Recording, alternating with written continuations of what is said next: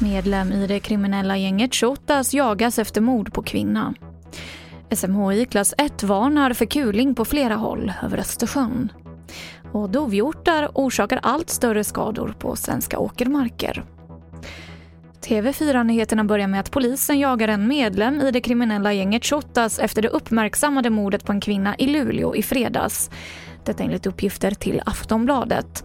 Många befarar nu att nätverket som är hemmahörande i Stockholmsförorten Rinkeby är på väg att etablera sig i Luleå. Och se mer om det här just nu på tv4.se. SMHI klass 1 varnar för kuling på flera håll över Östersjön. Under dagen så väntas också stora mängder regn i Uppsala, Stockholm och Södermanlands län. Och samtidigt så är risken för bränder stor på Gotland, i Stockholms län och på flera håll i bland annat norra Jämtlands län.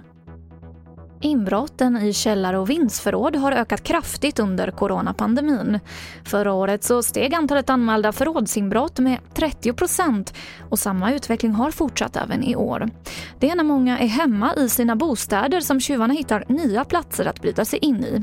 Och framförallt så är de ute efter cyklar och verktyg. Vi ser ju också att stölder på badhus, kaféer och sådana här saker minskar, fickstölder också och någonstans måste ju tjuven eh, få sina pengar.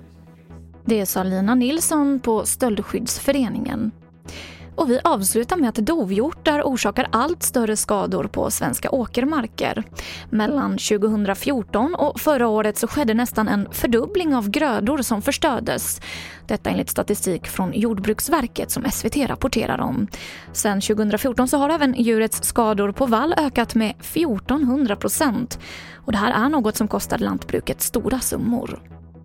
Och det här var det senaste från TV4 Nyheterna. Jag heter Emily Olsson.